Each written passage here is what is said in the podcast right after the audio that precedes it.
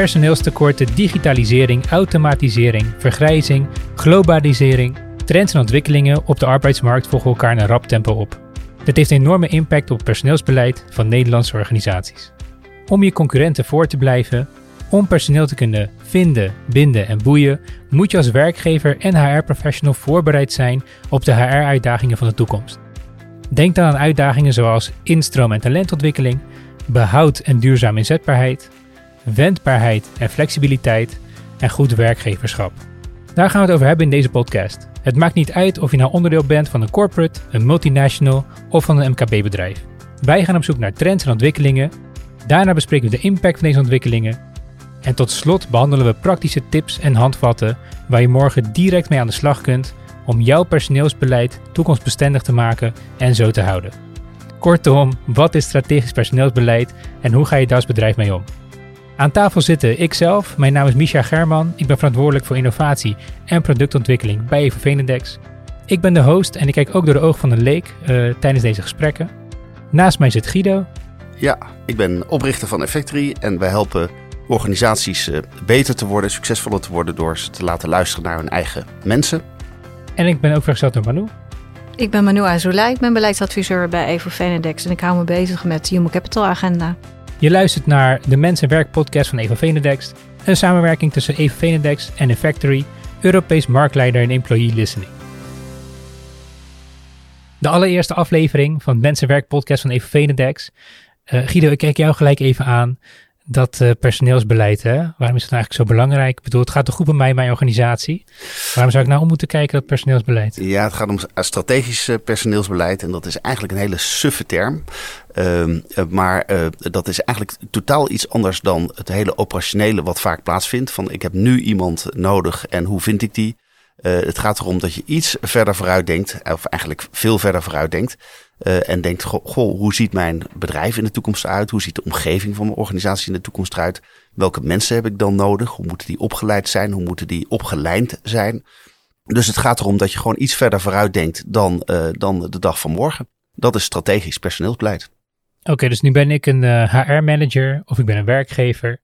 En ik heb eigenlijk allemaal tevreden mensen mee op de werk voor mijn gevoel. Ja. Ja, uh, ja, het kost me ook geld, dit allemaal. Ja. Dus waarom zou ik er nu nog meer tijd en moeite stoppen? Het loopt toch lekker? Ja, nou ja, dat, dat, dat zei Free Record Shop, zei dat ook uh, een aantal jaren geleden. Van het gaat toch goed en de winkels uh, die zitten vol. Ja, en dan kan ineens een andere technologische ontwikkeling uh, komen waar je niet over nagedacht hebt. En dan ben je ineens het bokje. Nou, dat gebeurt volop bij organisaties. Voor bedrijven echt een nachtmerrie in de raden van bestuur. Want ze willen wendbaar, creatief en, en, en, en, en innovatief zijn. En dat betekent dat je eigenlijk iets verder vooruit denkt over de toekomst van je organisatie en de mensen die je dan nodig hebt. Superleuk uh, uh, vakgebied. Uh, veel minder suf dan het, dan het klinkt. maar het is inderdaad je ogen een beetje in de schemastand zetten. Even nadenken over, over de toekomst. Ehm, of volgend jaar, over vijf jaar, over tien jaar. Hoe ziet het er dan uit? Hoe zien de technologische ontwikkelingen eruit? Wat voor soort mensen heb je nodig? En daar goed op inspelen. Hey Manu, jij komt uit de praktijk. Herken jij dit ook uit de praktijk? Ja, zeker. Bedrijven die daar goed over nadenken, uh, die maken daar echt een plan op. En nemen even de tijd om met elkaar een stapje terug te nemen. En uh, goed te kijken naar waar willen we eigenlijk heen met deze club. Stel je wilt inventariseren, of stel je wilt innoveren, een bepaalde automatisering doorvoeren of robotisering dan is het belangrijk dat je daar je mensen ook in meeneemt en gaat trainen. Of dat je kritisch kijkt naar of de mensen die je nu in dienst hebt, of je die uh, wel allemaal mee kunt krijgen richting die uh, innovatie. Of dat je nu al uh, kunt bedenken dat daar andere functies voor gecreëerd zouden moeten worden als je deze mensen wilt blijven behouden. Maar wat, voor tijd leven we nu eigenlijk in, wat personeelsbeleid betreft? Wat is nu. we nemen het op in 2021. Hoe ziet het personeelsbeleidlandschap er vandaag de dag uit? Nou, op dit moment wordt er eigenlijk uh, in heel veel branches veel te weinig strategisch nagedacht over, uh, over de toekomst. Uh, heel veel korte termijn effecten. Dat zag je ook eigenlijk bij het begin van de, van de, van de, van de coronacrisis, waar we nu, nu nog, nog een soort staartje van zitten. Paniek in de markt, meteen rare dingen doen die uiteindelijk desastreus zijn voor je organisatie. Hè? Dus als je als in bijvoorbeeld de transport en logistiek uh, meteen mensen hebt ontslagen omdat je bang was voor de impact van de crisis. Nou, dan zit je nu helemaal verkeerd. En als je iets verder nadenkt van oké, wat betekent dat nou eigenlijk voor de organisaties? wat betekent dat voor transport en logistiek? Oké, okay, dan gaat meer besteld worden. En als je daarover nagedacht had, dan had je waarschijnlijk anders gehandeld. En ben je de, winnaar van het plein. Dus daar gaat het eigenlijk om. Hè? Dat je dus goed nadenkt over wat is de impact van wat er nu plaatsvindt op de toekomst. En, wat er, en de tijd waarin we leven is van enorme technologische innovatie op allerlei uh, vlakken. En als je daar eens even goed over nadenkt en denkt wat voor uh, materialen, middelen, maar ook wat voor mensen heb ik daarvoor nodig, dan ben je bezig met strategisch personeelsbeleid. Ja, wat ik als leek ook vaak hoor is dat ja, ja, nu hebben de uh, werknemers eigenlijk voor het uitzoeken. En het is als organisatie best wel lastig om je mensen vast te houden. Herkennen jullie dat ook? nou, het is op dit moment heel lastig om mensen binnen te krijgen. Uh, wat we ook zien is een hele korte termijn reflexen bij organisaties. Van hey, het is moeilijk om mensen te krijgen, dus we gaan uh, uh, meer inzetten op recruitment, op arbeidsmarktcommunicatie. En als het eventueel nodig is, dan gaan we onze medewerkers beter betalen. hele korte termijn impulsen eigenlijk. Terwijl op het moment dat je daar strategischer mee omgaat en zegt: oké, we gaan zorgen dat wij uh, dat, dat, dat, dat we de, werken aan goed werkgeverschap. Dat we zorgen dat de medewerkers uh, goed in de organisatie zitten, goed passen, goed opgeleid worden. En zich trots kunnen voelen op de organisatie. Ja, dan ben je gewoon veel strategischer eigenlijk bezig. Want het is natuurlijk ontzettend zonde om een extra recruiter aan te nemen. Als via de achterdeur medewerkers net zo hard weer gillend weglopen, omdat je het gewoon niet voor elkaar hebt. Nou goed, daar gaan we dus onder andere over hebben in deze podcast. Misschien dan ook leuk om te vertellen wie we zijn, wat onze achtergronden zijn. En uh, ja, waarom men eventueel naar ons zou kunnen of willen luisteren.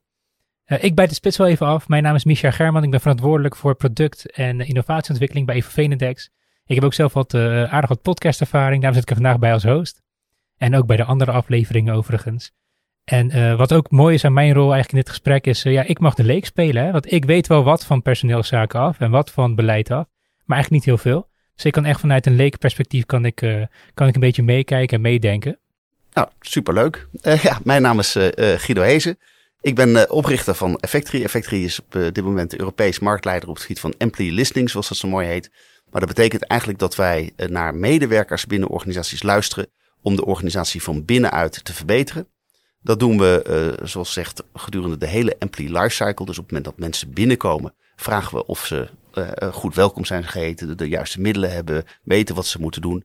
Uh, op het moment dat mensen weggaan, waarom ga je weg en wat hadden we kunnen doen uh, om te voorkomen dat je wegging. Maar ook tijdens het proces van ben je betrokken, ben je bevlogen, hoe zit het met leiderschap, hoe zit het met teamdynamiek.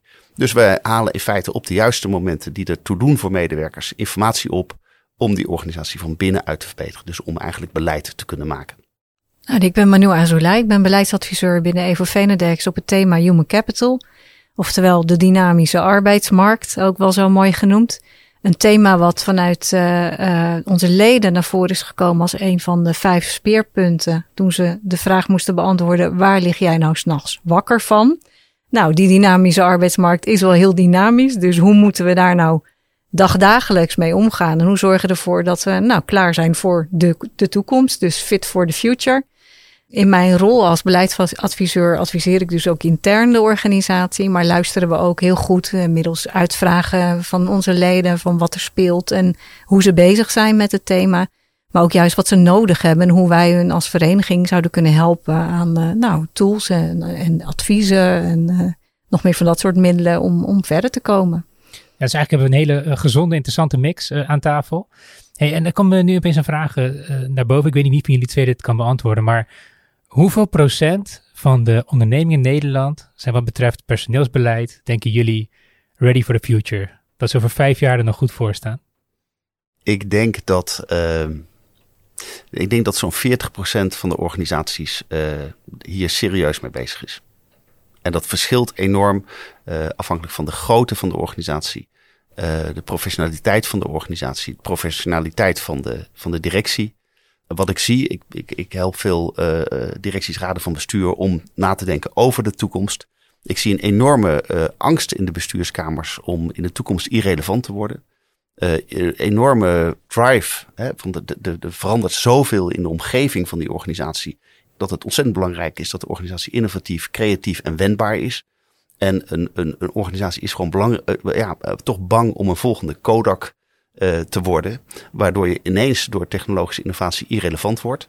Uh, en ja, ik denk dat, dat 40% daar echt mee bezig is. En dat 60% van de organisaties bezig is met uh, de waan van de dag.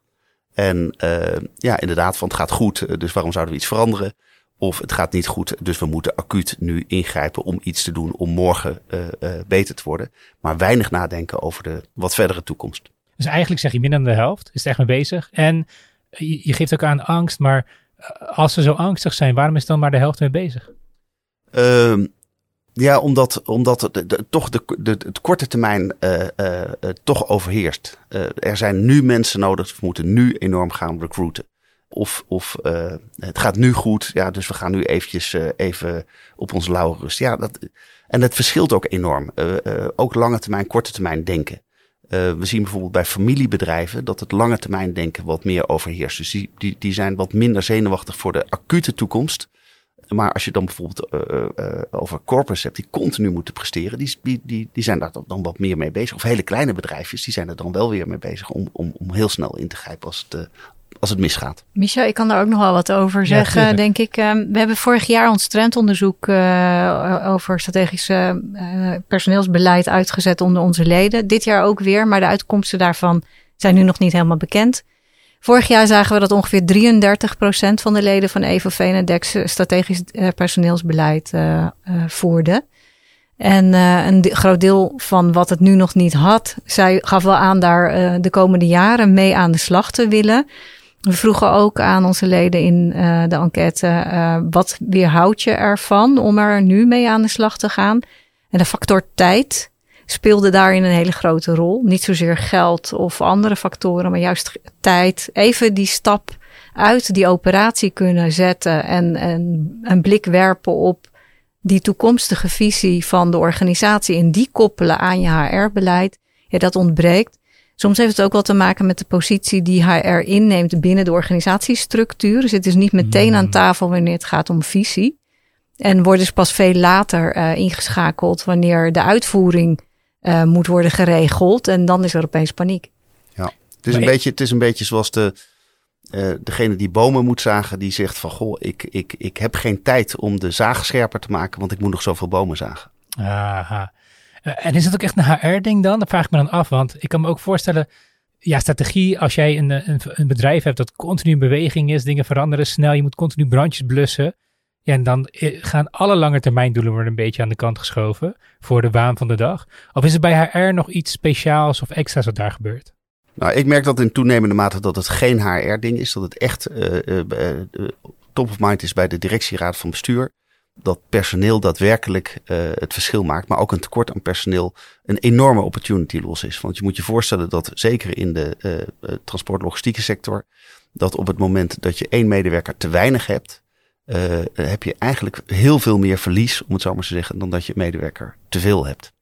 En die tekorten, uh, tekort aan goed opgeleid personeel, uh, dat, dat, dat, dat is killing voor de organisatie. En dat speelt op dit moment heel erg. en op, nu op het moment dat we deze podcast opnemen, speelt het bijvoorbeeld ook in Engeland. Er is een hmm. enorm tekort aan de mensen in het transport. Ja, dan staat toch alles stil. Dan kun je ongelooflijk goede kapitaalgoederen hebben en middelen en materialen hebben. Maar als je geen mensen hebt, dan, dan, ja, dan ben je toch de pineut, zeg maar. Dus je moet je echt kunnen onderscheiden eigenlijk als werkgever. Nou ja, de, zeker in, in, in krapte op de arbeidsmarkt uh, is het belangrijk dat je, uh, dat je eigenlijk wel de winnaar van het plein bent. Dat je wel de organisatie bent waar uh, medewerkers graag willen, willen werken. Het gaat natuurlijk wel ten koste van, van andere organisaties. Maar ja, elk bedrijf denkt toch ook weer voor, voor zichzelf. Hè? Dus die denkt mm. niet branchebreed. Maar het is wel goed om na te denken van oké, maar wat is de algemene trend? Hoe kunnen wij ook meehelpen met opleiden enzovoort? En, ik denk dat er wel ook een eh, extra factor zit in het opzoeken van samenwerking van bedrijven die bij elkaar in de buurt zitten op hetzelfde industriegebied bijvoorbeeld. Als je het hebt over uh, collegiale uitwisseling van personeelsleden bij het opvangen van pieken. Als je tenminste niet dezelfde pieken op, het, op hetzelfde moment hebt, uh, maar dat het elkaar een beetje afwisselt, dan kan het helpen om ook op die manier strategisch om te gaan met je bezetting. Het heeft dan niet zozeer te maken met echt langer termijn, uh, maar het kan wel helpen om je op de korte termijn in ieder geval een soort van uh, adem, uh, meeadem positie te geven, zeg maar, die, ja, waarbij je de handen ineens slaat met andere bedrijven. Hey, en hoe snel verandert het landschap dan? Want vandaag dag hebben we dan, oké, het is moeilijk om mensen aan te trekken, maar goed, over vijf jaar kan het dan heel anders zijn? Gaat dat heel geleidelijk? Gaat dat heel snel? Wat gebeurt daar? Ja, dat kan heel anders zijn. Uh, het kan een beetje, zeg maar, varkenscyclus zijn. Dat er dus uh, in, in, de, in de paniek die er nu is, dat er te weinig mensen zijn, dat er, wij spreken, te veel mensen opgeleid worden. Maar technologische ontwikkelingen kunnen ook ontzettend snel gaan. Gaat tot nu toe best wel heel langzaam. Hè? Bijvoorbeeld rondom autonoom rijdende auto's of robotisering, et cetera. Maar op het moment dat dat eenmaal goed doorbreekt, dan kan dat een enorme impact hebben op hoe je met mensen uh, binnen organisaties omgaat. En ook de hoeveelheid mensen die je nodig hebt en de skills van de mensen die je nodig hebt. En daarom is het wel heel goed om daarover na te denken. En daar een soort eigen voorspelling voor te maken voor je eigen organisatie. Uh, want op het moment dat je dus alleen maar korte termijn bezig bent en in feite je winsten opsoepeert en niet investeert in de toekomst, ja, dan kan het zo zijn dat je over een aantal jaren ja, gek staat te kijken op het moment dat je concurrentie uh, daar wel strategischer mee omgegaan is. Wat is een varkenscyclus? Een varkenscyclus is dat uh, als er een tekort aan varkens is, dat er ineens ontzettend veel varkens gefokt worden, waardoor er vijf jaar later een enorm overschot is en et, et, cetera, et cetera. Dus uh, dat is een beetje wat er in China met de één-kind-politiek uh, gebeurd is. Maar dat gebeurt dus in sommige branches ook met, met de opleiding van mensen. Wereld bedoel je dan eigenlijk van joh, pas als het een personeelstekort is, dan pas wordt er hard aangetrokken. Ja, dan, dan, worden de, gaan de salarissen vaak omhoog en dan worden ah, er meer mensen opgeleid en dan ontstaat er op een gegeven moment een overschot en dan, dan zijn die mensen weer niet nodig. En dan op een gegeven moment is er weer een tekort. En dat, dat, dat gebeurt in veel branches. Nou, ik denk dat dat een heel herkenbaar verhaal is voor heel veel van de luisteraars. Waar gaan we het nog meer over hebben? Ik noem nog eventjes kort uh, de andere topics die we gaan bespreken die eraan komen. We gaan het hebben over instroom en talentontwikkeling, uh, behoud en duurzame inzetbaarheid, wendbaarheid en flexibiliteit en uh, goed werkgeverschap. En misschien, uh, Guido, voor we afsluiten, leuk als jij even iets kort vertelt over dat goed werkgeverschap. Want daar heb jij onderzoek naar gedaan, hè? Ja, nou, wij, wij we doen onderzoek bij, bij meer dan duizend organisaties. ook een heel groot aantal organisaties buiten Nederland. En we hebben daarmee ja, een soort kijkje in de keuken van wat gaat er goed bij organisaties en wat gaat er mis op het moment dat je kijkt naar de, hoe eigen medewerkers in de film zitten. En we reiken ook een prijs uit op, op het gebied van goed werkgeverschap. World Class Workplaces heet dat. Uh, en daar zetten we, geven eigenlijk een podium aan organisaties die het beste met hun eigen mensen uh, omgaan. Om dat ja, te, te stimuleren andere organisaties daar voorbeeld aan te nemen. En eigenlijk op die manier goed werkgeverschap te stimuleren. Nou, wat, wat mij dan daar heel erg blij in maakt, ook met jouw aanwezigheid trouwens Manu, is dus heel veel praktijk ook. We, praten hier niet alleen maar vanuit de theorie, maar we praten hier ook vanuit onderzoek en praktijk. Dat maakt het denk ik heel interessant voor de luisteraars. Uh, Oké, ik denk dat het eigenlijk wel voldoende is voor een hele goede introductie. De eerstvolgende aflevering die gaat over instroom en talentontwikkeling. Heb je vragen over deze aflevering of een van jouw HR-uitdagingen? Stel ze dan via evavenindex.nl slash mensenwerk of via de link in de beschrijving. Dankjewel voor het luisteren.